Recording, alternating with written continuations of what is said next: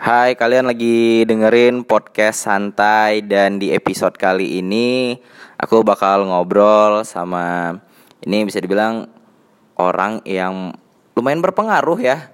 Bukan lumayan berpengaruh dan ini adalah orang di balik salah satu program sosial yang belakangan ini nggak cuman hype di kota Medan, tapi ini lagi hype di Indonesia juga ya. Ya, mudah-mudahan ya. Mudah-mudahan. Tapi sebelum aku kenalin orang ini, jadi ceritanya tuh aku tahu si program ini tuh awalnya dari temen. Dari temen, terus ada teman aku yang nanya, eh, Fik mau nggak Fik Eh, ikutan gabung nih? Kayak kayak ngasih apa kayak kasih petuah-petuah gitu sih bahasanya nggak sih? Petuah-petuah gitu. Karena kan dulu kan aku punya radio segala macam dan ketemu lah aku akhirnya pas masih di kantor aku dekat daerah Gajah Mada sama si ada namanya Yogi Aji halo Yogi Halo pendengar setia dari podcast Fikri. Orang yang berpengaruh juga nih Fikri nih. Waduh, enggak, enggak juga.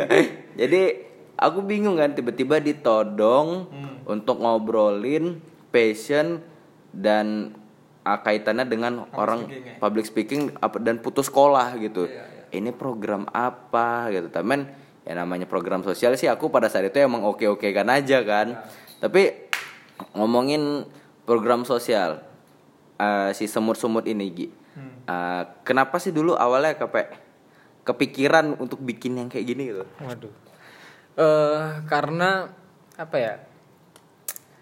Sebenarnya anak putus sekolah di Sumatera Utara itu kan, eh, itu angkanya itu cukup tinggi dan angka anak putus sekolah di Sumatera Ut- Utara itu menjadikan provinsi kita ini Hmm. jadi provinsi ketiga terbesar Yang putus sekolah. yang putus sekolah di Indonesia. Malah lebih tinggi daripada Papua.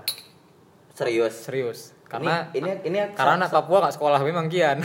yang kita tahu kan ya mungkin apa ya eh, di wilayah timur sana mungkin secara Iya, pendidikan iya. lebih banyak yang lebih miris gitu. lebih bahasanya. miris ya Iya, iya. situasinya Padahal gitu. kenyataannya enggak. Nyatanya enggak ya? Enggak. 2018 itu di Sumatera Utara itu eh, kawan-kawan bisa ngecek di websitenya Kemendikbud. Hmm. Nah, keywordsnya itu ikhtisar data pendidikan. Di Sumatera Utara 2018 ada 15.000 lebih. Itu 2018 doang. Hmm. Belum 2017, belum tahun-tahun sebelumnya. Dan di total di seluruh Indonesia itu ada jutaan lah. Ada juta Jutaan anak Indonesia yang putus sekolah di 10 tahun ke belakang. di 10 tahun ke, Ke belakang. belakang. Padahal dipikir-pikir Medan ini Cukup dibilang- kota metropolitan harusnya. ya. udah sudah termasuk kota metropolitan. Kota tiga terbesar kan di Benar, Indonesia. setelah Surabaya dan Jakarta. Surabaya, kan? Jakarta dan eh, apa namanya? Di kalau dikalkulasikan tuh ya, Hmm.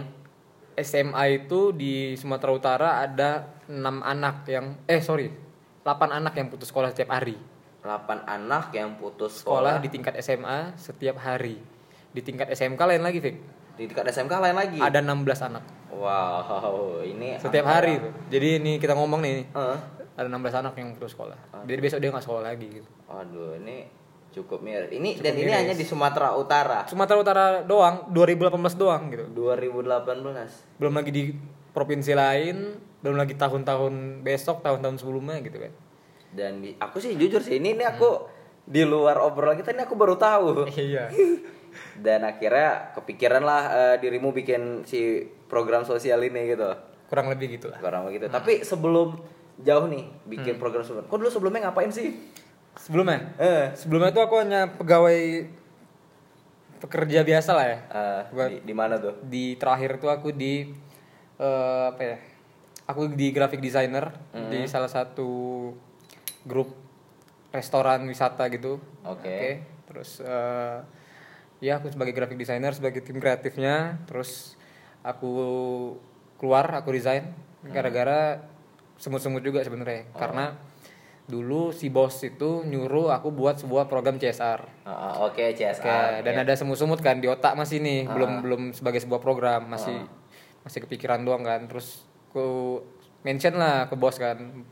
Bos ada nih, aku ada ide untuk ngejalanin ini sebagai program CSR-nya gitu kan. Si bos tertarik tapi dia money oriented banget lah. Oke, money orientednya gimana tuh?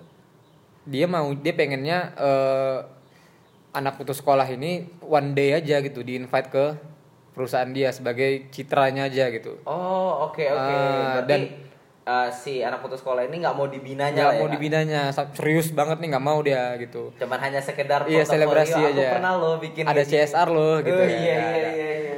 Oke. itu kan Hmm. apa ya? Licik lah ya? Hmm. boleh lah bilang licik ya? Nggak masalah. nggak masalah ya? Terus eh, resiko lah kan? Hmm. apalagi ini memang program yang benar-benar aku pikirin sendiri gitu kan? Aku dan aku bilang oh nggak bisa. Kalau itu cari program lain aja. Jangan yang dari aku aku bilang kan. Hmm. terus aku kadang-kadang nggak seneng. Cari ribut lah kemudian kan? Cari cari, ribut supaya alasan bisa keluar. Terus aku keluar. Sejak itu aku ya eh, freelance doang. Desain freelance. Terus akhirnya ada tawaran dari Prod Project Dari gitu. Prod Project, dari Prod oke. Project sebagai event manager Hmm. aku keterima terus eh, karena semut-semut akhirnya aku tolak kerjaan dari Prod Project gitu Oke, nah itu jadi kan aku pernah baca juga nih. Hmm. Pokoknya tadi sebelum kita ngobrol tadi aku coba ngulik lagi sedikit kan. Hmm. Si Pro- project cerita dulu kok sampai udah diterima Hmm. di sana gitu. Terus kan akhirnya sampai si kok alasan kokot menolak ini kenapa gitu? Secara semut-semut. Selain karena semut-semut gitu. Hmm, karena eh, Gak apa-apa Aku ra- kucingnya sebagai hiasan ya. aku rasa ini ya apa namanya kalau misalnya lah aku kerja di Prod Project nih Hmm. ya dengan segala hormat nih sama Prod Project masih berhubungan baik juga dan mereka juga support penuh kita tapi aku pikir kalau misalnya aku kerja di eh, Prod Project Hmm. Aku tuh bukan siapa-siapa lah gitu Oke. aku hanya pegawai dari sebuah perusahaan gitu ya yang udah aku jalanin sebelum-sebelumnya gitu Oke. gimana caranya aku bisa ng- ngasih impact yang lebih baik, impact yang lebih besar, ngasih meaning juga yang lebih besar gitu kan. Sementara aku juga punya semut-semut kan di dalam otak gitu ya. Hmm. Terus dalam waktu yang bersamaan aku kenal sama Mas Zaki dan beliau nge-mentoring kita, nge-mentoring aku dan tim. Akhirnya ke-trigger lah gitu. Dan Mas Zaki bilang kalau misalnya mau eh, ngejalanin sebuah program, sebuah project dengan serius, Hmm. kamu harus full time di sini gitu. Resign dari kerjaan tolak semua tawaran hanya untuk bisa ngejalanin ini secara serius. Artinya full time secara waktu full time juga secara pikiran gitu ya. Nggak ada terganggu apa apa ya udah akhirnya mau nggak mau aku bilang ke pro project aku nggak bisa nih karena aku ada ini segala macam ada semut-semut. Dan mereka sampai sekarang ini support penuh kok Oke, ini tadi by the way Zaki Zaki Bukalapak ya. Ahmad Zaki founder Bukalapak. Iya, Ahmad Zaki Bukalapak ya. Nah, eh, bisa ketemu sama si Ahmad Zakinya ini apa gimana lagi ceritanya? Kan panjang nih sebelum kita akhirnya ngomongin si semut-semutnya ini. Eh, Eh, ketemu Mas Zaki duluan? Eh, ketemunya itu ya aku ketemu Proud Project di tanggal eh, 8 Agustus aku ke Jakarta Oke. 8 Agustus aku ke Jakarta 2018 18 nih ya. 9 Agustus pagi aku ke kantor Proud Project Hmm. kita bahas segala macam tentang pekerjaan Hmm. terus eh, sorenya aku ngelihat ada sebuah acara gitu ya Hmm. acara diskusi gitu dari Limitless Campus Hmm. yang diadain di kantor Bukalapak yang di Kemang Oke. Oke, terus eh, aku datang karena acaranya juga gratis kan. Hmm. Terus narasumbernya itu si Mas Ahmad Zaki Hmm. gitu kan. Dan iseng aja sih datang sebenarnya bukan hanya bukan untuk eh, apa ya, bukan ada tujuan tertentu lah gitu ya. Karena memang aku di Jakarta ada kegiatan lain dan deket juga dari penginapan. Terus pas singkat cerita selesai acara MC-nya nge-mention nih kalau misalnya teman-teman di sini yang eh, hadir bisa eh, announce nih ada nggak ide bisnis kalian gitu ada nggak ide program kalian boleh di announce yang terbaik akan di mentoring sama Zaki gitu Oke. terpilihlah semut-semut Hmm. terus sejak saat Oke, itu jadi komen modal pede aja lah nih ya. Aku modal pede aja gitu yang selama ini ada di otak jadi hari itulah hari pertama aku nggak announce semut-semut secara publik Hmm. dan aku nggak pede awal ya kan Hmm. rupanya responnya sangat bagus lah Oke. responnya sangat bagus sehingga aku terpilih jadi terba ide terbaik terus eh, selesai acara kita tukeran kontak sama Zaki ngobrol-ngobrol baru itu hari hari Kamis tuh Vic Hmm. di hari Minggunya Mas Zaki bilang dia akan ke Medan ada acara gitu terus dia berkenan untuk eh, menyempatkan waktu kita ketemu Hmm. terus aku balik langsung ke Medan minggu siang eh minggu pagi aku nyampe minggu siang kita makan siang bareng Hmm. sama Zaki ngobrol-ngobrol-ngobrol makan durian bareng ya udah makin ke trigger lah gitu dan beliau sangat sangat menghargain eh, semut-semut lah sebagai ide dan beliau mau dijalanin secara serius nih gitu intinya mau mementorin si aku dan ya. tim lah Oke, dan akhirnya kebentuklah si semut-semut ini. semut-semut ini. Dan apa ya? Aku kita kita ketemu bulan 9 ya. bulan 9 bulan 9 nanti tiba-tiba aku ditodong maghrib-maghrib ngomongin passion public speaking. Ya aku sih sepas di situ kenapa mau nerimanya karena secara pribadi ini juga ada pengalaman sama aku ya. Aku pribadi memang eh, buk belum apa ya bisa bilang hampir putus kuliah kan? Hampir putus kuliah gara-gara ya masalah dana dan segala macam Ya, kita tahu sih masalah pendidikan di Indonesia ini kan sebenarnya adalah masalah dana. Iya betul. Eh, sebenarnya ya itu dia sih. Bullshit lah kalau orang bilang ini kalau nggak dana malas gitu. Iya, iya.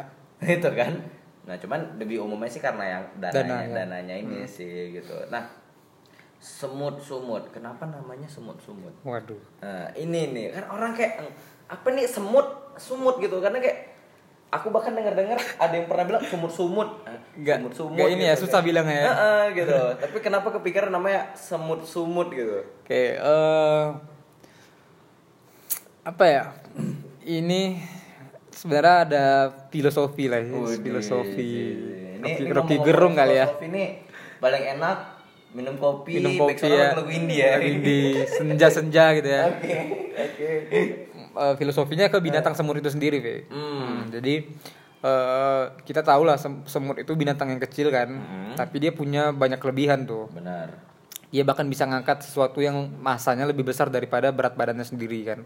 10 kali lebih lebih berat daripada berat badannya sendiri. Hmm. itu semut itu. Dan dia kalau dia berada di apa ya komplotannya berada di apa ya kerajaannya dia ba- orang tuh bisa eh, apa ya melakukan apa aja lah Hmm. bisa makan eh, binatang yang lebih besar daripada ininya daripada jumlah mereka sendiri gitu kan akhirnya eh, aku konekin tuh ke eh, meaningnya programku sendiri gitu kan Oke. anak putus sekolah ini kan jumlahnya banyak tuh Mm-mm. dan mereka saat ini dipandang kecil kan di di masyarakat dipandang kecil di company dipandang kecil di negara sendiri dipandang kecil. Padahal mereka masuk ke dalam eh, kategori bonus demografi yang hari ini dimiliki oleh Indonesia. Oke. gitu kan. Tapi mereka tetap dianggap kecil. Hmm. jumlah mereka jutaan. Mereka tuh bisa ngangkat negara ini nih kalau mereka berada di komplotan yang jutaan itu. Pertanyaannya ngangkat ke arah yang lebih baik atau ke arah yang lebih buruk? Kita akan mudah ngejawab akan ke arah yang lebih buruk kalau negara nggak memperhatikan mereka. Gitu kan. Benar. dan aku rasa Indonesia terlalu kecil lah menjadi negara kalau dia hanya membuang-buang waktu, membuang tenaga dan membuang uang hanya untuk membangun kapasitas dari mahasiswanya doang. Padahal ada nih anak-anak bangsa jutaan jumlahnya setiap tahun tuh terus ada. Mereka juga sama menjadi bagian dari bonus demografi sama seperti mahasiswa juga. Nah kalau yang diperhatikan hanya si komplotan ini aja, yang ini diabaikan, Indonesia nggak akan maju men. Wih, ini ini konteksnya sudah sangat berat ini. Iya. Bisa dibilang apa ya? Kalau aku sih malah eh, kalau tadi kan mungkin ngomonginnya secara pandangan yang lebih dalamnya lagi kan. Hmm. Kalau aku sih nganggapnya ini mungkin kalau lebih universal ya. Setiap manusia tuh pasti punya potensi gitu. Iya, kan. betul. Jangan cuman gara-gara satu Dana. hal halangan yang bisa kita bilang dana. Hmm. Ya, kok nggak bisa ngelakuin apa-apa gitu. Iya.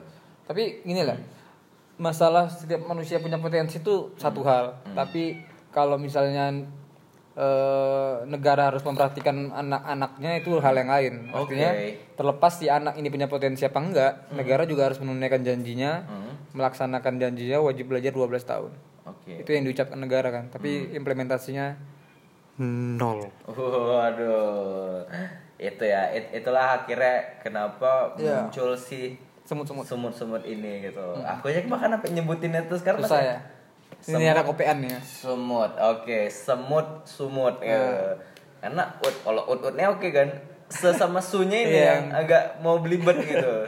Cuman ya, walaupun penyebutannya belibet, cuman yang aku ya mungkin kan eh, su- liatin dari sosmed gitu kan, dari yang masih cuman yang ke akhirnya sampai kawan-kawan juga yang kerja sat- satu profesi pada partisipasi semua wah ini aku sih mikirnya gini ini ini pasti bakal besar deh dan sampai momennya kira kalian kan lagi ini kan pada saat itu lagi buka-buka siapa nih yang mau Ya, daftar yang jadi daftar, murid ya. gitu nah ini kan bisa kita bilang kan anak putus sekolah ya Mm-mm. anak putus sekolah yang kita bilang mungkin dia mungkin secara akses internet Mm-mm. Mungkin nggak segampang yang Kita. yang kita kita ini gitu kan gitu. Nah ini mereka bisa dapat informasi ya, kayak gini tuh dari mana? Eh, Dan kayak mana kalian kalian menyebar luaskan si sumut-sumut ini gitu. Sebenarnya itu yang yang belum ada formulanya nih sampai sekarang. Hmm. karena kalau kita hari ini jumpa mau jumpain mahasiswa kita gampang tinggal datang ke universitas gitu Benar. kan karena mereka ada dari satu tempat. Anak putus sekolah ini tempatnya menyebar. Iya. Nggak ada satu data yang pasti kita Hmm. jumpain mereka di mana alamatnya di mana gitu kan.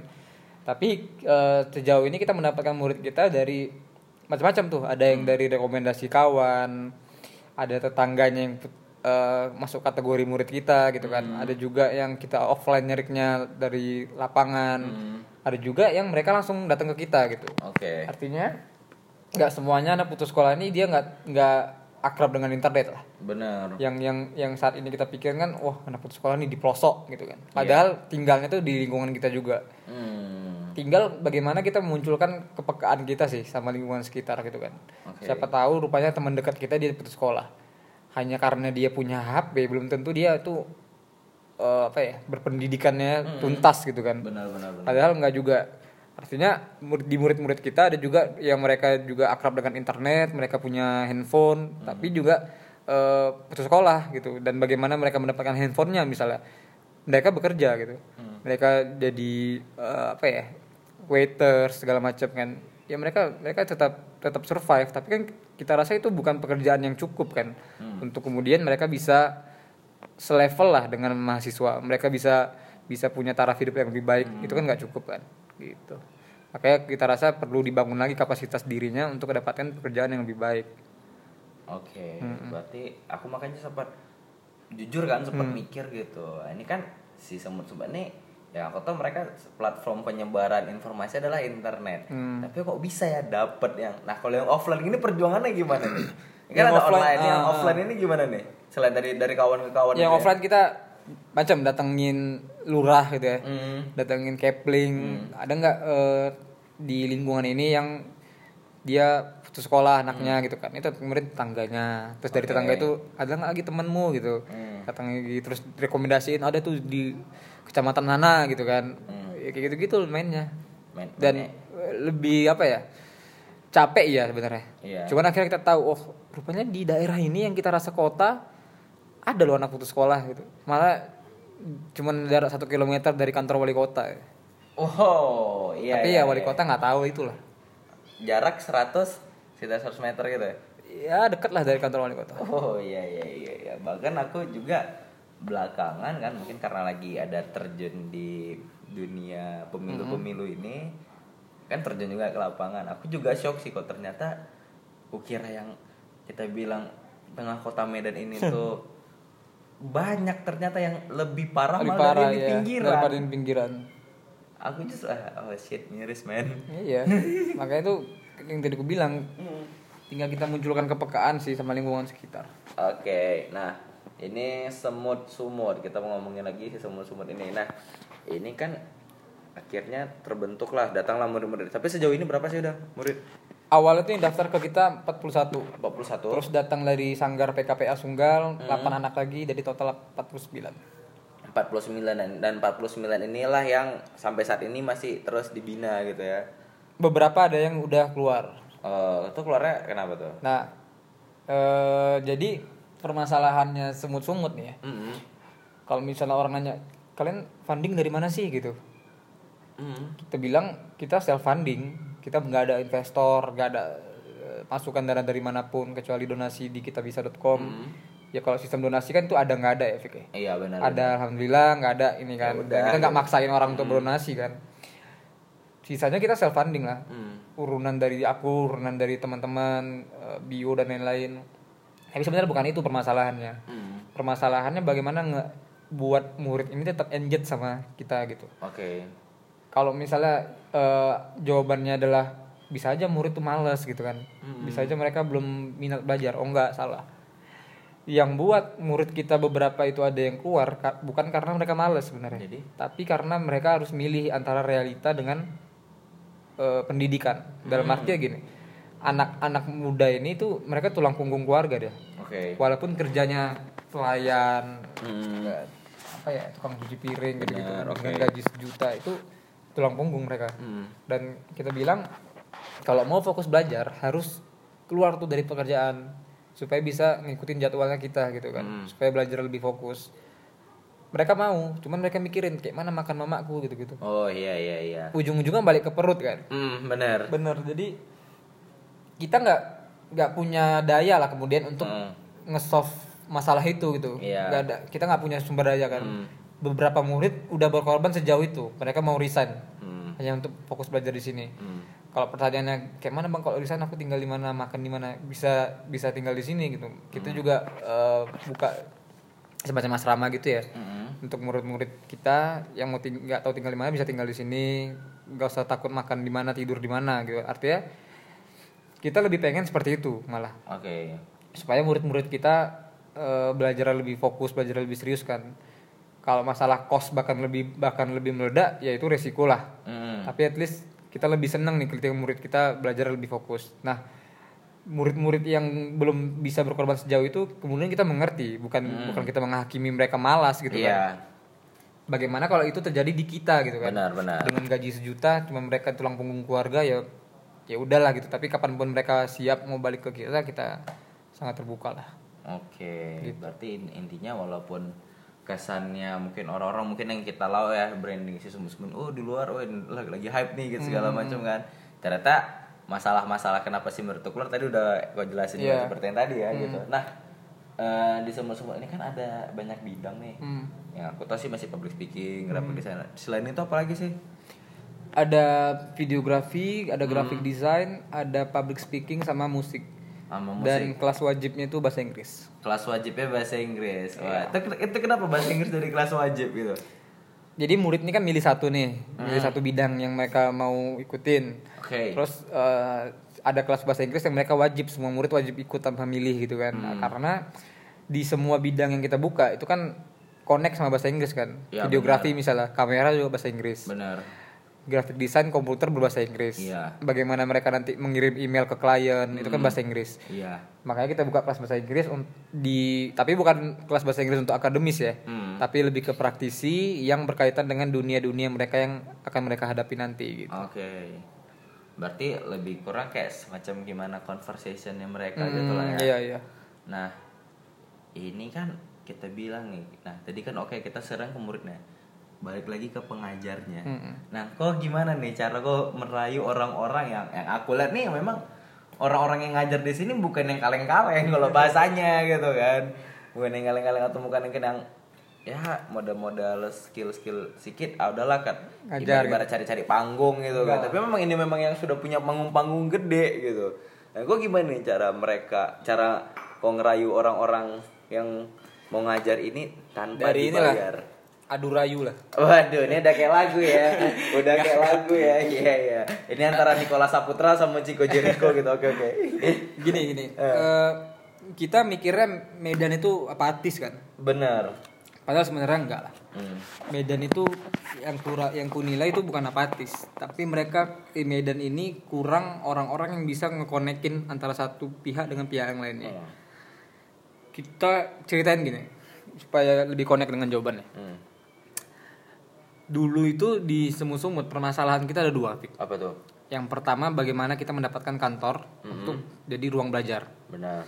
kemudian kita cerita ke Mas Zaki Mas kendala kita ini kita udah sejauh ini progres tapi kita belum punya satu tempat gitu kan dan Mas Zaki sebagai mentor kita lalu beliau eh, minta kita untuk cari sebuah tempat hingga akhirnya kita bisa nyewa satu rumah lah Mm-mm.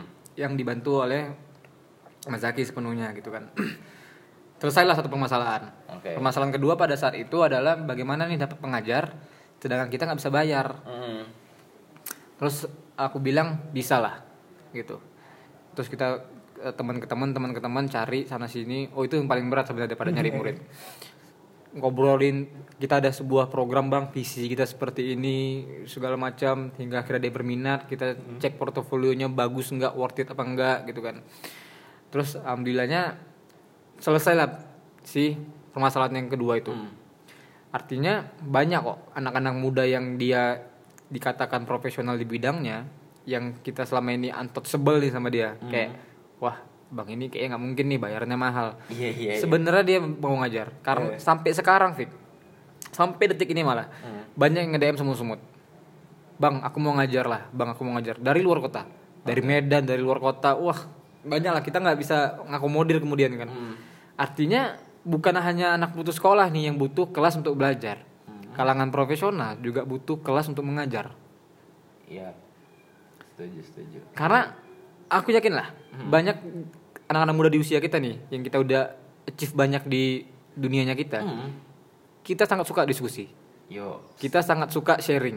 Benar. tapi nggak ada tempat wak di Medan Hmm, jadi bisa dibilang saya si semut-semut ini kayak jadi ajang sharingnya si jadi ada dua pelaku-pelaku dua ini ya. fungsi akhirnya Dua fungsi ya. yang pertama meng- menjadi oase lah ya Eh. untuk anak-anak putus sekolah ini akhirnya oke aku akhirnya ada tempat untuk bisa belajar lagi nih Hmm. Gitu. yang kedua di pengajar juga ak- akhirnya aku ada tempat untuk bisa jadi guru itu pekerjaan yang yang hari ini kita sepelein Hmm. tapi semua anak-anak muda yang ak- hari ini aku berani bilang mereka udah profesional di bidang mereka udah cukup di dunia itu. Hmm, apa nih yang aku cari lagi selain kerjaanku yang rutinitas seperti ini? Sharing. sharing? Iya. diskusi. Gitu kan. Hal-hal itu yang yang hari ini kita lupain. Padahal anak muda di ya boleh tanya teman-teman. Hmm, siapa sih yang nggak suka diskusi? Betul.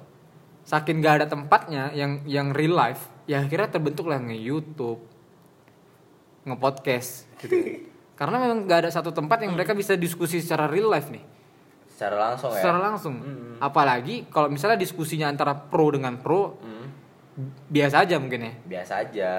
Tapi kalau misalnya diskusinya antara pro dengan yang belum pro tapi pengen tahu, itu di di pro-nya ini bahkan lebih semangat ya. Bakal lebih semangat benar benar benar. Itu artinya kita apa ya? Akhirnya jadi tempat lah untuk eh, anak-anak muda di Medan. Akhirnya aku ada tempat nih untuk bisa diskusi, ada tempat nih aku bisa ngajar gitu. Ada tempat berbagi juga. Berba- berbagi, Seperti betul. itu ya.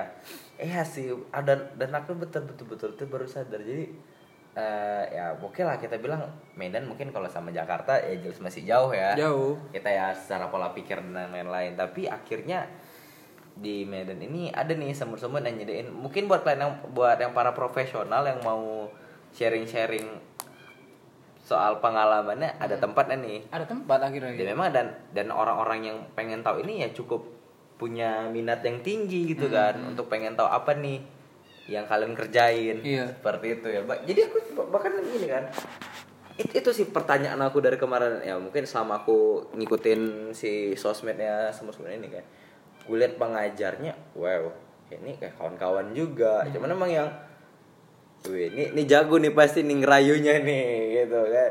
Nggak dibayar loh cuy. Apalagi zaman sekarang gitu ya gue usah jauh-jauh lah yang kayak tadi kita cerita di awal tadi kan yang perusahaanmu yang dulu perusahaanmu yang dulu terus hmm, dia hanya pengen buat program CS Star satu hari tapi karena dia Money money oriented, oriented gitu. Jadi eh aku tambahin sedikit ya. Kayak misalnya kita aja lah kita ngaca lah ke diri kita. Hmm. Kalau aku diskusi dengan dengan eh, temanku misalnya, temanku menganggapnya akan biasa aja. Iya, Kayak iya. misalnya aku udah gini loh, aku udah gini. Teman kita pasti ngiranya apa sih cakap tinggi gitu kan. Tapi kalau kita ceritain itu ke murid, ke anak-anak putus sekolah ini, kita kan jadi role model, Pak. Kita kan jadi ins- inspirasinya mereka Yoi. karena dunia kita dunia yang selama ini mereka nggak mungkin achieve Heeh. Hanya bayangan mereka aja bisa seperti itu gitu kan. Mm. tapi kalau kita cerita itu ke teman kita teman kita juga ada di dunia itu jadi biasa aja. Lain cerita kalau kita cerita ke murid ada pride kemudian di diri kita. Wah aku rasa aku selama ini biasa aja tapi bagi mereka sangat luar biasa gitu. Akhirnya kita menghargai diri kita sendiri kan. Hmm. makanya tugas tugas pengajar juga bagaimana mereka hadir di kelas menjadi inspirasi menjadi role model untuk murid-murid itu. Bosnya kamu punya loh kamu akan punya eh, kamu bisa dapetin masa depan yang cerah karena aku juga udah pernah nih gitu. Betul betul betul. Gitu. Jadi juga yang kayak gini-gini sih baru kejadian sama aku. Baru aja ini bulan berapa ini? Bulan sampai sampai lupa bulan aku ya Allah. Empat, empat, empat. bulan 4 ya. Eh, bulan 3 kemarin jadi aku tuh diundang kampus aku sendiri. Hmm. ya sama salah satu eh, HMJ-nya gitu kan. Eh, bahkan aku nih yang nawarin eh aku mau lah jadi mereka kayak buat program kayak ngumpul-ngumpul namanya tuh radiasi kan Iya. ngumpul-ngumpul ngobrolin kayak tentang si profesinya kita gitu kan Ya, walaupun aku sudah tidak jadi penyiar kan maksudnya masih ada nih Iya. pengalaman-pengalaman dan aku lucunya akhirnya aku bisa nih nge apa ya ngemotivasi anak-anak yang masih kuliah tapi aku udah nggak kuliah Hmm. gitu kalian dimotivasi sama orang yang kuliah. bahasa kasarnya putus kuliah lu ini seperti itu dan aku apa ya jadi mereka di si adik-adik ini malah naik bang bang berapa nih bang ini nih aku justru malah lebih senang berbagi ketika nggak dibayar menurut aku. Jadi aku pernah nolak jadi disuruh jadi pemateri Hmm. di sekolahan gitu ngomongin soal radio dan mereka nanya bang berapa bayarannya? Aku justru malah ketika ada orientasi uang dengan patokan uang itu jadi beban. Iya. bebannya satu kalau nggak sesuai. kalau jelek apa lagi pun aku juga yang mau aku kasih juga ya ya standar gitu. Ya mungkin yang bisa kalau aku tipikalnya kok kalau dari aku pribadi yang bisa aku kasih perjalanannya aku sih. Bisa sampai akhirnya ada di oke kok pernah di radio gini dan segala macam dan pengalamannya gitu. Ya kalau masalah teknik ya di Google sekarang udah Ya, banyak. banyak. seperti itu. Nah hmm, dari tadi berapa sekarang tadi murid? 40 Sembilan. 49 Daftar, ya. ya. dengan berbagai macam bidang Eh, ini udah ada yang terjun ke lapangan belum Nah di timeline kita Ah. itu kan belajar setahun tuh, Oke, belajar setahun. gratis setahun dan di setiap tiga bulan mereka harus ikut ujian, Hmm. ujian triwulan kita selalu buat ujiannya base nya teori atau praktek gitu kan, setiap bidang setelah enam bulan hmm. mereka kan masuk kelas penjurusan Hmm. videografi misalnya aku mau fokus ke uh, mapping, aku mau fokus ke editing aja, aku mau fokus ke motion misalnya gitu-gitu di enam bulan. Artinya di penjurusan itulah yang akan jadi personal brandingnya mereka. Hmm. Fokus dia ke satu titik gitu kan. Oke. Bukan ngambang videografer apa gitu kan. Di graphic design misalnya aku mau fokus ke tipografi, aku mau fokus ke branding identity misalnya. itu di enam bulan sampai setahun ke depan di pengakhir tahun kita buat sebagai eh, semacam show off event gitu kita buat acara kita undang company terutama kita undang juga pemerintah untuk melihat karya-karyanya anak-anak kita selama setahun ke belakang. Harapannya mereka bisa kerja di company-company mereka tanpa melalui proses seleksi jasa lagi. Betul. hanya soal karyanya bagus atau enggak itu aja. Nah pertanyaannya bagaimana mereka bisa buat karya? Hmm. kita ada project based learning namanya. Oke. project based learning ini yang eh, ngebiasain murid kita untuk buat suatu karya tanpa kita apa ya tanpa kita tuntun lagi gitu. Hmm. berdasarkan pengetahuan-pengetahuan yang udah kita kasih di kelas gitu. Itu di project based learning. Artinya mereka lah eh, di lapangannya mereka di situ lah di project based learning itu. Jadi di tanggal 2 Mei nanti aku boleh sounding ya. Hmm. Kita silakan. di hari pendidikan kita buat acara kecil-kecilan dan kita akan nge-launching video dari project based learning pertama kita. Di project based learning pertama kemarin kita bagi dua kelompok. Yang kelompok pertama itu akan ngebahas soal pendidikan. Yang kelompok kedua ngebahas soal eh, lingkungan. Semua narasi, semua desain, semua video itu base dari murid kita tanpa kita campur aduk. Gitu. Kita eh, berarti kalian hanya cuman mengawasin gitu lah ya. mengawasin tidak Sama juga artinya kita ngebe- masukan. ngebebasin mereka mau bilang apa Oke. Ngebebasin mereka mau wawancara siapa ngebebasin mereka mau ngambil shoot di mana kita Hmm. ngebebasin artinya mereka juga punya otak kok Iya, iya. mereka nggak bodoh-bodoh amat lah Benar-benar. Gitu. Ya. Wes, ini ini menarik nih. Ini gak sabar aku nunggu tanggal 2 Mei nih. datang lah Datang ya. Di, di mana tuh? Di mana tuh? di sini aja lah nggak nggak sanggup kami bayar gedung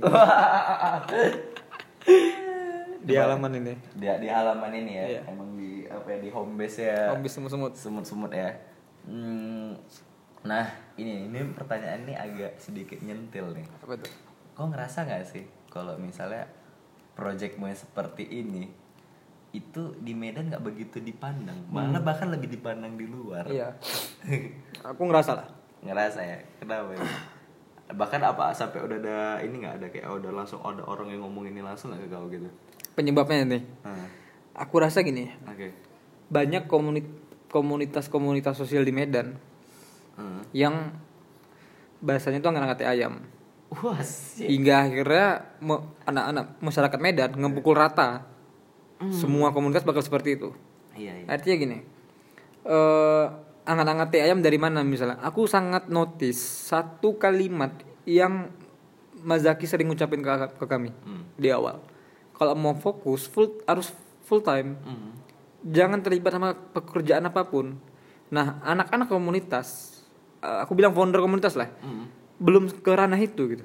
Aku nggak mau nyombongkan diri aku kemudian ya. Oke. Artinya nggak bisa nih kamu ngebesarin komunitas ngebesarin bukan dalam artian si komunitas ini besar namanya ya Hmm. tapi bagaimana achieve tujuan yang mereka buat untuk ngebangun komunitas itu sendiri.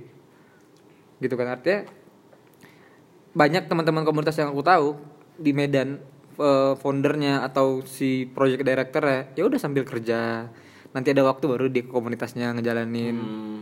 hanya ser- seremonial aja gitu. Seremonial paling buat acara di hari-hari besar Iya. latah gitu jadi iya. Hari pahlawan buat acara hari ini buat acara gitu. Yang acaranya udah stop stop apa sih acaraan selain ngucapin selamat doang gitu. Nah kita baru buat acara di hari pendidikan nanti bukan untuk ngucapin selamat hari pendidikan. Karena nggak ada yang harus diselamati dari hari pendidikan Indonesia pendidikan masih buruk mau diselamati gimana? Tapi kita ngambil momen itu untuk nunjukin bahwa ada anak-anak putus sekolah yang berpendidikan bahkan lebih pintar daripada kau mahasiswa. Wis. gitu. Itu yang kita ambil momen di hari pendidikan nanti bukan untuk ngucapin selamat. Nah artinya untuk karena itulah kemudian pergerakan komunitas jadi ya seperti seperti itu doang. Hmm. semacam selebrasi aja semacam seremonial aja. Dan mereka ben- secara nggak langsung mereka tuh nggak sadar pik mereka nggak benar-benar nyelesain masalah. Nggak ya nggak nyelesain masalah. Makanya di awal kita kita bilang eh sempat tadi perdebatan di tim kan. Hmm. semut-semut ini mau sampai mana? Oke. Timelinenya gitu. Apakah sampai anak-anak nih achieve standar yang kita penuh yang kita terapkan? Hmm. lalu udah kita cari murid lain. Terus aku bilang enggak. Aku pengen ngejamin semut-semut kasih jaminan anak-anak ini ketika mereka udah memenuhi standar mereka akan dapat kerjaan langsung tuh Langsung. tanpa nunggu-nunggu tanpa ngelamar sana sini. Kita nggak mau pakai proses itu. Bahasanya mereka ini di hire lah ya. Iya mereka mereka kita cariin kerjaan gitu. Hmm. dan bukan mereka yang mencari. Bukan mereka yang mencari bukan mereka lalang buana sana sini ngelamar pekerjaan Eh, pakai sa- baju sam- hitam sambil putih. nyenderan duduk esel lo deh artinya kita benar-benar sampai nyelesain masalah. Oke oke oke oke. Pintar pun dia apa skillful pun dia itu bukan permasalahan kan? Benar-benar ujung-ujungnya kan balik ke perut manusia. Iya. Perut dan di bawah perut. Iya. Jadi kita bener sampai menyentuh ke hal itu supaya benar-benar mas- masalah hidupnya terselesaikan. Nah jarang ada komunitas Medan seperti itu Wak. say apa pun. Aku bahkan aku jadi sebelum akhirnya aku ngajak eh Lawin untuk ngobrol di podcast aku aku juga sempat ngeriset nih. Ya kan? Ngeriset eh, komunitas-komunitas atau program-program sejenis. Ya dan aku rasa ya oke ini waktunya aku untuk ngorek lebih dalam nih dan akhirnya terjawab Iya. dengan apa yang kau bilang barusan gitu. Dan ini bukan sombong ya? Mm. aku sering bilang ke teman-teman teman-teman nyaranin di tim kan kita nggak buat hak cipta.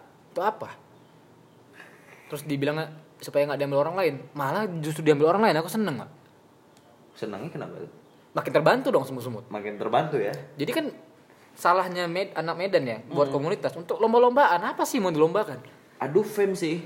Kalau aku nanggapinnya malah gitu. Jadi Eh. kayak misalnya eh apa ya? Aku bilang ke teman-teman teman-teman di sosial media Hmm. silahkan buat yang serupa Hmm. di kota-kota kalian. Silahkan. Nggak bawa nama semut-semut. Silahkan juga. Hmm. artinya biar makin banyak kan yang ini. Contoh aja program kita contoh lah. Oke. mau nama lain terserah kita nggak ngelarang juga. Artinya kalau kita bergerak sendiri nggak akan mampu kan. Hmm. kita nggak bisa nolong orang sendirian kan. Makin ramai makin bagus dok. Makin rame dan jaringannya juga makin luas gitu. Iya artinya udahlah fokus kita pertama itu hanya bagaimana masalah ini terselesaikan. Hmm. bukan bagaimana semut-semut nih dia sendirian dipuji sendirian. Hmm. kita nggak mau kayak gitu gitu. Artinya, yang tadi tuh aku klarifikasi bukan cakap sombong bahwa sumut-sumut nih satu-satu yang menyelesaikan masalah. Nggak seperti itu juga. Tapi aku pengennya ngegerakin teman-teman komunitas saya kalau misalnya punya komunitas ya privat sedikit lah. Tarik diri apakah komunitasku ini benar-benar nyelesain masalah nggak sih? Atau hanya sekedar bangun campaign? Aku rasa campaign tuh udahlah. Bangun campaign apa sih? Bangun campaign peduli lingkungan buang sampah pada tempatnya. Dan dan itu banyak yang kejadian sama komunitas-komunitas sekarang. Hanya sekedar bangun campaign tapi ya masalahnya ya udah gitu-gitu aja. gitu-gitu aja. Jadi kayak ajang-ajangan aja gitu kayak misalnya yang belakangan nih aku nanggepin ya kan eh, kayak lagi sekarang lagi rame less plastik. Ah oke. Ada komunitas ya menurut aku sih belum terlalu belum eh, menurut aku sih hanya sekedar campaign Iya. belum menyelesaikan masalah iya. gitu. nah masalah plastik misalnya bagaimana sih bisa menyelesaikan masalah? Hmm. ya bangun tuh apa pemberdayaan masyarakat. Bagaimana masyarakat tuh bisa buat sesuatu yang bukan dari bahan plastik misalnya. Atau bahan plastik yang ada dibuat untuk jadi penunjang ekonomi misalnya sampai ke ending dia. Bukan hanya bangun sekedar tep desain cantik di Instagram gunakan gunakan kertas gunakan jangan gunakan plastik misalnya. Oke. Nggak menyelesaikan masalah kan? Bener bener hanya sekedar bener. ikut-ikutan aja gitu. Oh. sampai ending lah dia. Nah bagaimana bisa sampai ending itu? Ya fokus. Keluar dari segala rutinitas yang lain yang mengganggu. Fokus ke situ aja. Komit. Komit ya. Komit lah itu deh. Itu sih yang paling penting komit. Dan kalau aku sih nanggung ini konsisten ya. Konsisten fokus itulah. Karena kan kebanyakan yang sekarang-sekarang ini tuh adalah konsistensi Hmm. sih. Itu makanya kayak mungkin nggak cuma di dirimu aja gitu. Kayak di Hmm. aku pribadi ketika orang nanya Fik podcast tuh kayak mana sih? Oke kok aku ngajarin. Ya udah silakan bikin apa segala macam. Justru aku makin eh, ketika makin banyak teman-teman yang podcast aku malah seneng gitu Iya. kan. Berarti ini eh, pilihan orang nggak cuma ada di aku gitu Hmm. punya dia dengan ragam-ragamnya mereka masing-masing nah cuman yang aku perhatiin ya kan aku bahkan capek siap temanku yang bikin podcast aku follow nih di Spotify dengan Hmm. harapan ketika dia nge-upload konten apa eh, suaranya masuk nih notif sama aku Hmm. aku dengerin ya eh, sejauh ini saya nggak paling bertahan paling banyak ya Hmm. itu paling cuma tiga episode Hmm. Karena ya kesannya sepele sih. Dan eh, yang aku dapat orang selalu nanya sama aku Fik ini ada duitnya atau enggak sih Fik? Ada duitnya bro jangan ini disamain sama YouTube bu. Iya. karena kalau mau ngejelasin itu itu apa ya eh, udah banyak sih yang ngejelasin. Bahkan di YouTube pun kayak semacam si Raditya Dika, Reno Kolbi, ya podcaster-podcaster di Jakarta juga udah bikin konten yang YouTube ya kalau podcast sih sebenarnya nggak ada ada duitnya nggak ada duitnya Iya. Eh, cuman kok bisa, bi- tapi bisa untuk ada duitnya bisa seperti itu Hmm. oke nah sampai terakhirnya aku lihat si semut-semut ini di sosmed ke di Jakarta nih udah nih sampai di dipanggil untuk itu ikut lomba apa sih kemarin 2018 November kami ikut lomba Hmm. eh, Sustainable Development Goals Hmm. Pemuda Indonesia Penggerak Perubahan. Hmm. Kita masuk 10 besar, kita diinvite ke Jakarta, presentasi di Jakarta Convention Center. Hmm. Aku berangkat sama Bio, co-founderku. Terus singkat cerita di Desember ketika kita balik Medan kita diumumin sebagai juara. Hmm. Terus eh, penghargaannya berupa kita di invite ke Kamboja. Hmm. Terus di Kamboja kita dapat capacity building, kita ketemu dengan relawan dari berbagai negara, Inggris, Amerika, eh, Kanada eh, selama tiga minggu. Terus kita juga ngajar bitsu di sana, ngajar anak-anak di sana. Kita sharing nih apa yang yang bisa kita kolaborasi bareng-bareng di tingkat Hmm. dunia. Ya hal-hal seperti itulah yang yang kita dapat di Kamboja. seperti itu ya dan Hmm. akhirnya ilmu-ilmu yang juga dapat Kamboja diterapin lagi ke Medan ya. Diterapin ke Medan lagi. Lagi ke Medan. Yang paling penting kan kita dapat inwalk baru ya. Oke, itu itu, itu Itu sih yang paling penting. Yang paling penting. Bahkan kemarin baru-baru ini aja di USU sampai collab ya Collab sama Usu. sama USU ya Iya. untuk bikin acara sampai yang ngundangnya Zaki ya. Ahmad Zaki ya. Ngundangnya Ahmad Zaki seperti itu. Nah, ini aku yang mau aku bahas lagi. Oh, ini sebenarnya sih udah hampir semua dibahas ya. Hmm. Nah, eh ini kayaknya eh nggak terakhir kali, cuman kalau ngomongin cita-cita kecepatan ya, soalnya masih banyak mau kulik nih. Kulik lagi sih. Kulik lagi ya. Eh, Jadi em, pulang nih dari Kamboja, Kamboja, gitu dan akhirnya tadi ini aku mau nyenggol yang masalah lebih dikenal di Luar. di luar daripada di Medan sendiri gitu nah tadi kan kita sempat ngebahas tuh yang masalah ternyata follower semua aja itu semut-semut ini itu lebih banyak yang dari luar gitu apa nih di Medan ini? Gitu. Kenapa? Gitu. Karena gini di luar itu eh, teman-teman komunitas di sana itu Hmm. mereka konsisten. Konsisten. Hingga akhirnya masyarakatnya percaya sama komunitas. Oke. Komunitasnya benar-benar impactful lah. Hmm. jadi masyarakat percaya pemerintahnya juga percaya. Nah hari ini di Medan bukan hanya masyarakatnya yang patis Hmm. pemerintah pun juga patis terhadap rakyatnya. Jadi ketika ada komunitas nih Pak kita ada permasalahan seperti ini kita buat komunitas kita mau menyelesaikannya Hmm. pemerintah pasti nganggap ah, ah minta duitnya gue nih padahal nggak nggak seperti itu semuanya gitu satu dua iya Just- justru seharusnya pemerintah tuh seneng ya. Oh, Seneng. Ada nih eh, kita bilang lah tangan panjang pemerintah Iya. yang untuk apa ya menyelesaikan permasalahan ini betul gitu. betul jadi harusnya lebih seneng kan masyarakatnya peduli nih jadi Medan tuh kayak magnet yang bertolak belakang nih. Siapa duluan nih yang narik? Oke. pemerintah luar yang narik atau masyarakat luar yang narik? Gitu kan. Dalam arti yang lebih ringan seperti itu. Eh kami tuh kemarin sempat di un, di bukan diundang ya disuruh buat proposal oleh eh, lingkungan pemprov gitu kan.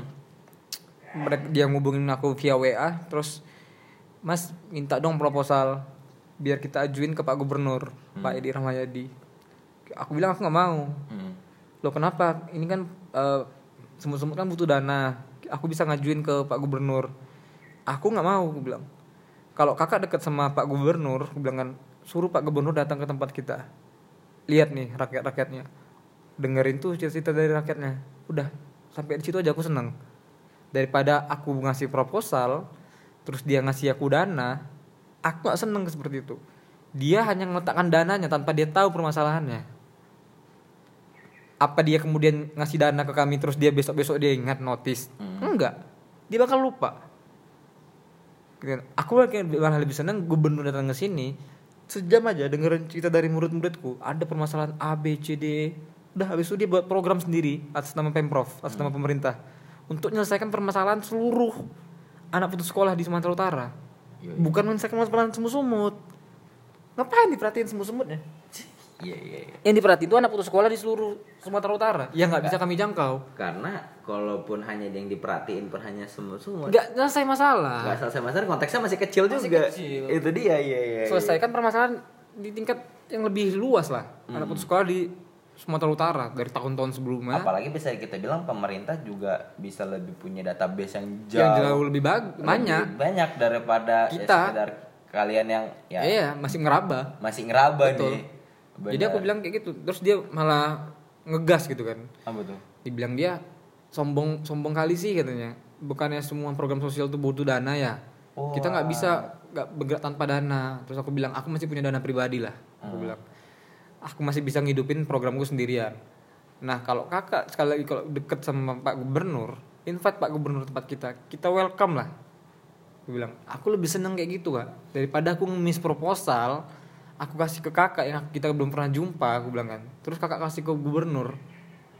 Aku nggak mau dicap sebagai pro- program komun- komunitas atau apalah sebutannya yang minta-minta dana seperti baga- bagaimana komunitas Medan selama ini berjalan gitu. Iya, iya. jadi iya. Sekali lagi bukan hanya di situ ya. Banyak aku juga di Kamboja juga aku sempat nge-mention di Jakarta aku sempat nge-mention bahwa saya I'm not trying to win this. Hmm. I try to change the game. Oke. jadi yang yang terjadi selama ini komunitas itu saling lomba-lomba untuk memenangkan itu. Hmm. bagaimana komunitas dia yang paling terkenal. Hmm. sementara yang dipakai cara-cara yang lama. Yang justru Medan butuhkan adalah bagaimana pola permainannya dirubah. Menangnya sama-sama Wak Menangnya sama-sama ya. Menangnya sama-sama. Cuman pola permainan yang pola dirubah. permainan ya. yang dirubah supaya menangnya sama-sama gitu Ya, jadi gara-gara kita bilang pola permainan yang lama ini orang-orang menganggap ya ah komunitas-komunitas ini UUD-nya nih Udah, iya, ujung-ujungnya ujungnya duit gitu kan. angin-anginan ini Hmm, ya padahal sebenarnya ya nggak seperti itu Nggak seperti itu. tujuannya gitu. Oke, tah. Tadi udah Kamboja sudah jauh. Nah, tapi kalau kau pribadi lah ini, Hmm. gara-gara semut-semut ini apa nih yang sudah bisa kau dapat gitu Kalau aku dulu nggak join ke semut-semut, Eh. aku kerja di Proud Project. Aku adalah aku tuh di posisi di bawah CEO-nya Proud Project. Hmm. Hari ini aku selevel sama CEO-nya Proud Project. oke Satu itu. satu yang kedua aku nggak nggak akan bisa in touch sama Mas Zaki lah. Hmm. Orang yang kita tahu dia sudah berada di udah achieve apa pun di hidupnya, Hmm. perusahaannya sudah unicorn dan udah level level level tinggi lah. Hmm. Kalau aku dulu sana hanya pekerja biasa, aku nggak mungkin kenal sama dia dan dia dan dia juga nggak mungkin kenal aku. Nah, karena terus teman-temanku banyak bilang bahkan ada satu komen yang aku ingat di Port Project Hmm. dan di Instagramnya Mas Zaki jadi Mas Zaki kemarin sempat upload foto sama aku terus darin komen Hmm. "Eh, maaf nih nanya gitu kan kalau Mas Yogi resign dari pekerjaannya terus dia dapat duit dari mana ya? Oke. Itu nggak aku jawab langsung di komen. Eh. tapi teman-temanku banyak yang nanya di luar. Wartawan juga sering nanya. Terus aku bilang seharusnya orang-orang yang udah komit nih untuk terjun ke dunia sosial dia harus memisahkan dirinya dari dunia komersil. Oke. Bukan berarti nggak perlu duit hidupnya kemudian. Benar. Tapi cara dia mendapatkan duit Hmm. yang bukan dari dunia sosial. Hmm. nah aku juga kerja freelance nampung-nampung freelance jasa desain Hmm. ya aku hidupnya dari situ bukan aku hidup dari semut-semut malah semut-semut yang saat ini butuh hidup dariku gitu kan oke artinya itu tadi jangan takut nih buat teman-teman Medan yang punya komunitas jangan takut kalau aku resign aku dapat duit dari mana ya gitu masih kalau masih percaya Tuhan besok bisa masih bisa makan Iya. Karena Kalau percaya sama Tuhan ya. Dalam agama mana pun, wah ini kita ngomongin udah sampai konteks agama Ah, iya. ya. Dan itu dua hal terus satu hal lagi Hmm. aku dapat banyak legacy lah Hmm. yang yang selama ini aku mikir di hidupku nggak mungkin dapat nih gitu kan Oke. contohnya gini eh di acara usu kemarin Hmm. itu kalian boleh riset sendiri di internet baru pertama kali terjadi di Indonesia Hmm. acara universitas itu didukung oleh anak putus sekolah Oke. oke dari mana kita bisa bilang gitu Hmm. Kemarin acara di ITFS USU itu Hmm. nggak akan bisa ngundang Mas Ahmad Zaki kalau bukan dari semut-semut Hmm. Oke, Mas Zaki datang ke USU kemarin tanpa bayaran, Hmm. tanpa di servis apa pun. Hmm. Artinya benar-benar karena kita dan untuk pertama kali anak putus sekolah bisa masuk kampus. Wow, itu, itu, itu jadi bukan jarang, tapi hampir nggak pernah kejadian. Nggak pernah kejadian. Nggak pernah kejadian. Nggak pernah kejadian. Di mana? Boleh ditulis di kolom komen ada kolom komennya nggak ada Oh, ada. ya artinya memang betul-betul nggak ada lah terjadi di Indonesia anak putus sekolah bisa masuk kampus Hmm. bukan hanya sekedar masuk nih bicara di kampus Hmm. dibicarakan di kampus juga. Artinya akhirnya terjadi konektivitas Hmm. antara si mahasiswa dengan sekolah nih. Oke. Mereka duduk bersama nih. Dan kemarin acara di tempat di mana anak-anak mahasiswa di wisuda Di gelanggang ya. di Eh, auditorium. auditorium ya, auditorium ya. Oke, oke. Anak putus sekolah duduk di situ. Hmm. Kapan lagi tuh terjadi di Indonesia? Itu ya. Akhirnya kita bisa bilang bahwa pendidikan tuh jangan dikotak-kotakan. Hmm. Mahasiswa mahasiswa aja gitu. Hmm. Universitas cuma miliknya mahasiswa enggak juga. Universitas itu bukan milik mahasiswa, tapi tempat di mana ide itu bertukar di situ. Diskusi itu terjadi di situ. Nah, dalam konteks diskusi, dalam konteks ide, harusnya anak putus sekolah juga bisa menyampaikan idenya di universitas. Bukan berarti yang boleh bertukar ide itu mahasiswa doang tuh, gara-gara universitas. ya gak sih? Betul, betul. anak putus sekolah juga punya punya hak dong untuk dia nyampein idenya di universitas. Kenapa aku bilang punya hak? Hmm. Universitas negeri khususnya itu kan dibangun dari uang negara. Oke. Anak putus sekolah dan keluarganya bayar pajak. Hmm. Masa dia nggak berhak? Jangan-jangan mahasiswa dan orang tuanya nggak bayar pajak, Pak. itu itu justru yang kita ini ya justru kita Eh, ya, artinya universitas tuh punya semuanya berarti kan? Hmm, benar benar benar Punya semuanya. Kelas per kelas yang punya mahasiswa. oke Yang berhak masuk kelas. Iya, si mahasiswa yang daftar gitu kan, yang Daftar. terregistrasi sebagai mahasiswa. tapi Tapi universitas sebagai lembaga pendidikan, dia berhak harusnya dimasukin oleh siapa aja. Dalam konteks untuk bertukar pikiran, bukan dalam konteks tawuran atau segala macem ya. Eh, dan itu sih yang Dan itu terjadi kemarin di USU. terjadi ya? Terjadi di USU kemarin. Dan ma- malah aku bisa bilang lebih dominan murid-muridku yang bicara di situ daripada mahasiswa itu sendiri. Daripada mahasiswa itu sendiri daripada ya. mahasiswa itu sendiri. Yes, ini salah satu wah ini itu yang yang aku rasa perubahan besar dalam diriku. Maksudnya legacy-legacy semacam itu yang aku dapetin sekarang. Hmm, sejak semut-semut itu ada karena kan pasti orang menganggap kan eh, orang ah nih Yogi pasti dapat dari semut-semut nih gitu. Enggak gitu kan. Ya aku dan co-founder aku tuh udah keluar berapa jutaan nih Hmm. sampai sekarang gara-gara semut-semut. Tapi kan enjoy aja. Money camps and go kan. Oke Dan itu dia berarti. legacy itu yang bertahan sampai kapan pun. Nah, sam- sampai yang aku juga iniin sih kan maksudnya yang tangkap gitu. Kita kita ngomongin uang lagi lah gitu. Karena sebenarnya kan kayak tadi aku agak kepotong tadi kan dalam agama mana pun mungkin bisa dicari. Hmm. kalau Tuhan itu udah menjanjikan ya rezeki orang tuh nggak akan ketukar ya nggak sih? mungkin takut coba. Ngapain takut gitu. Intinya selagi selagi yakin ya. Iya besok bisa makan. Besok bisa makan. Karena kan sebenarnya yang, di- yang dipikirin isi perut. Si perut. Itu dia. Oke nih karena omongan kita juga udah cukup panjang. Wih, udah 55 menit cuy. Hmm. Eh, ini nggak akan aku potong-potong. Ya. nggak akan aku potong-potong. Nah jadi em, yang pasti aku tahu pasti ini ujungnya cita-cita. Iya. Nah, cita-cita semut-semutnya apa nih? Selain tadi memecahkan masalah gitu. Hmm. apa tuh? Eh, harapan semut-semut dalam jangka panjang itu aku pengen semut-semut tuh bubar oke oh bubar oh wow kenapa mau nih clickbait nih ya bubar Iya, aku pengen semut-semut tuh bubar lah. Eh, Dia kayak gini. Eh kita coba ambil contoh dokter. hmm. Dokter itu kan dia punya dua sisi ya. Hmm. Satu sisi dia profesinya, satu sisi dia sebagai manusia. Oke. Dia, aku rasa dia nggak nggak senang ketika banyak orang sakit. Hmm. Sisi kemanusiaannya pasti merasa miris kan. Iya. Tapi ketika nggak ada orang sakit, dia nggak ada duit, pak. Oke. Iya, iya. Dan kita juga nggak pengen hari ini Hmm. anak putus sekolah tuh bertambah terus setiap tahun. benar.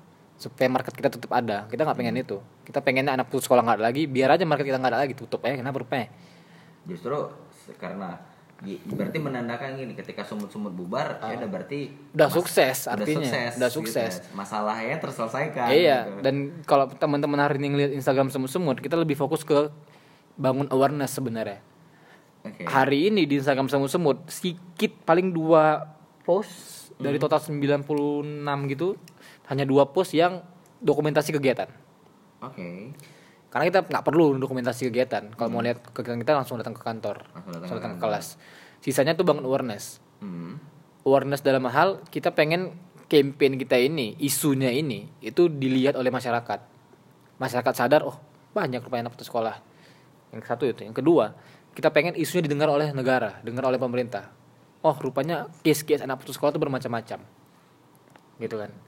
Pemerintah kira peka mudah-mudahan insya Allah walaupun mustahil mereka buat program mereka menepati janjinya seluruh anak bangsa bisa bersekolah meskipun nggak ada duit. Hingga akhirnya anak putus sekolah nggak ada lagi nih.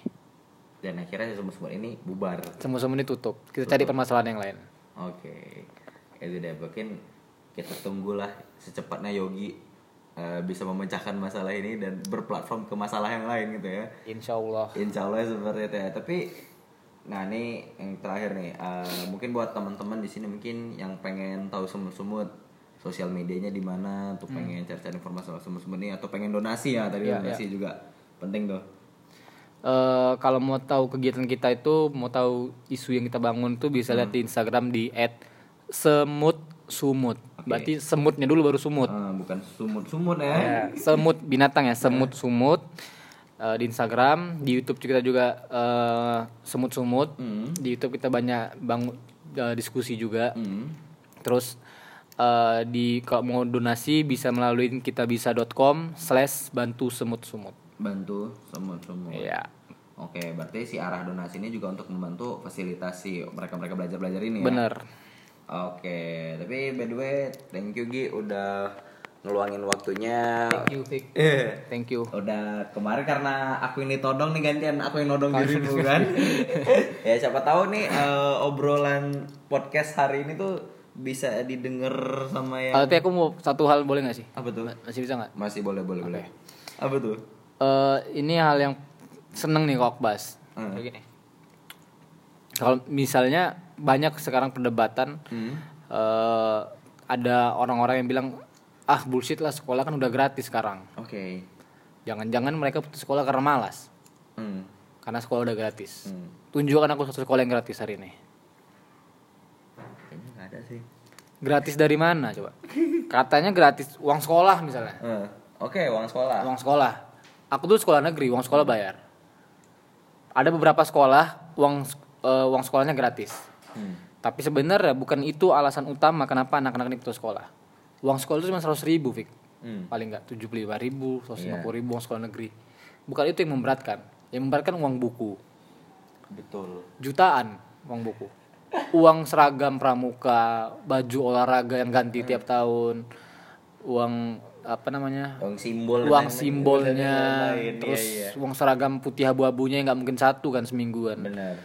Terus sepatunya tasnya hal-hal seperti itu yang ongkos sekolahnya Hmm. itu yang memberatkan orang tua. Negara nggak nutupin itu.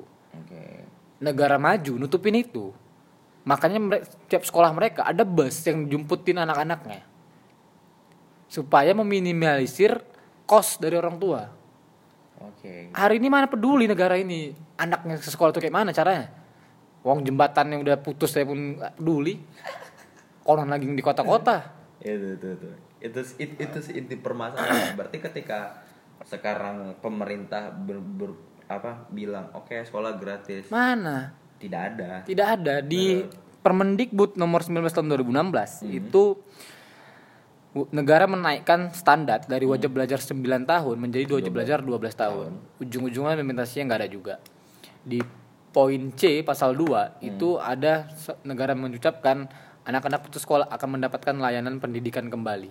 Oke. Aku banyak murid nih di sini, mana nggak dapat juganya mereka? Nggak dapat juga ya. Aku nggak nyinggung politis ya, Hmm. negara dalam konteks dari 10 tahun yang lalu pun udah kayak gini-gini aja negara kita dari sistem pendidikannya. Artinya ayolah kalau kalau negara nggak bisa mendapatkan janji, aku ngajak teman-teman masyarakat nih, teman-teman komunitas untuk lebih peka kehadap isu ini. nggak harus tentang semut-semut, boleh ngelakuin ini dalam hal apa aja, yang penting eh, konteksnya anak putus sekolah. Artinya mereka butuh kita nih, yang yang kita udah achieve banyak hal di hidup kita, ya udah yuk pindah jalur ke yang lebih eh, apa ya, lebih sosial kali ya. Lebih sosial ya. lebih sosial. Lebih sosial itu itu sih. Akhirnya eh, pokoknya intinya nih buat teman-teman yang lagi dengerin kalau memang pengen nih sama-sama melakukan perubahan ya yuk eh, mungkin bisa kita kumpul-kumpul kapan-kapan atau mungkin ajang kumpul-kumpulnya. Boleh dong tadi di follow at semut-sumut Ya, kita kumpulan tanggal 2 Mei ya. tanggal kumpul tanggal 2 Mei hari pendidikan itu momennya. Eh, dan sampai jumpa di episode berikutnya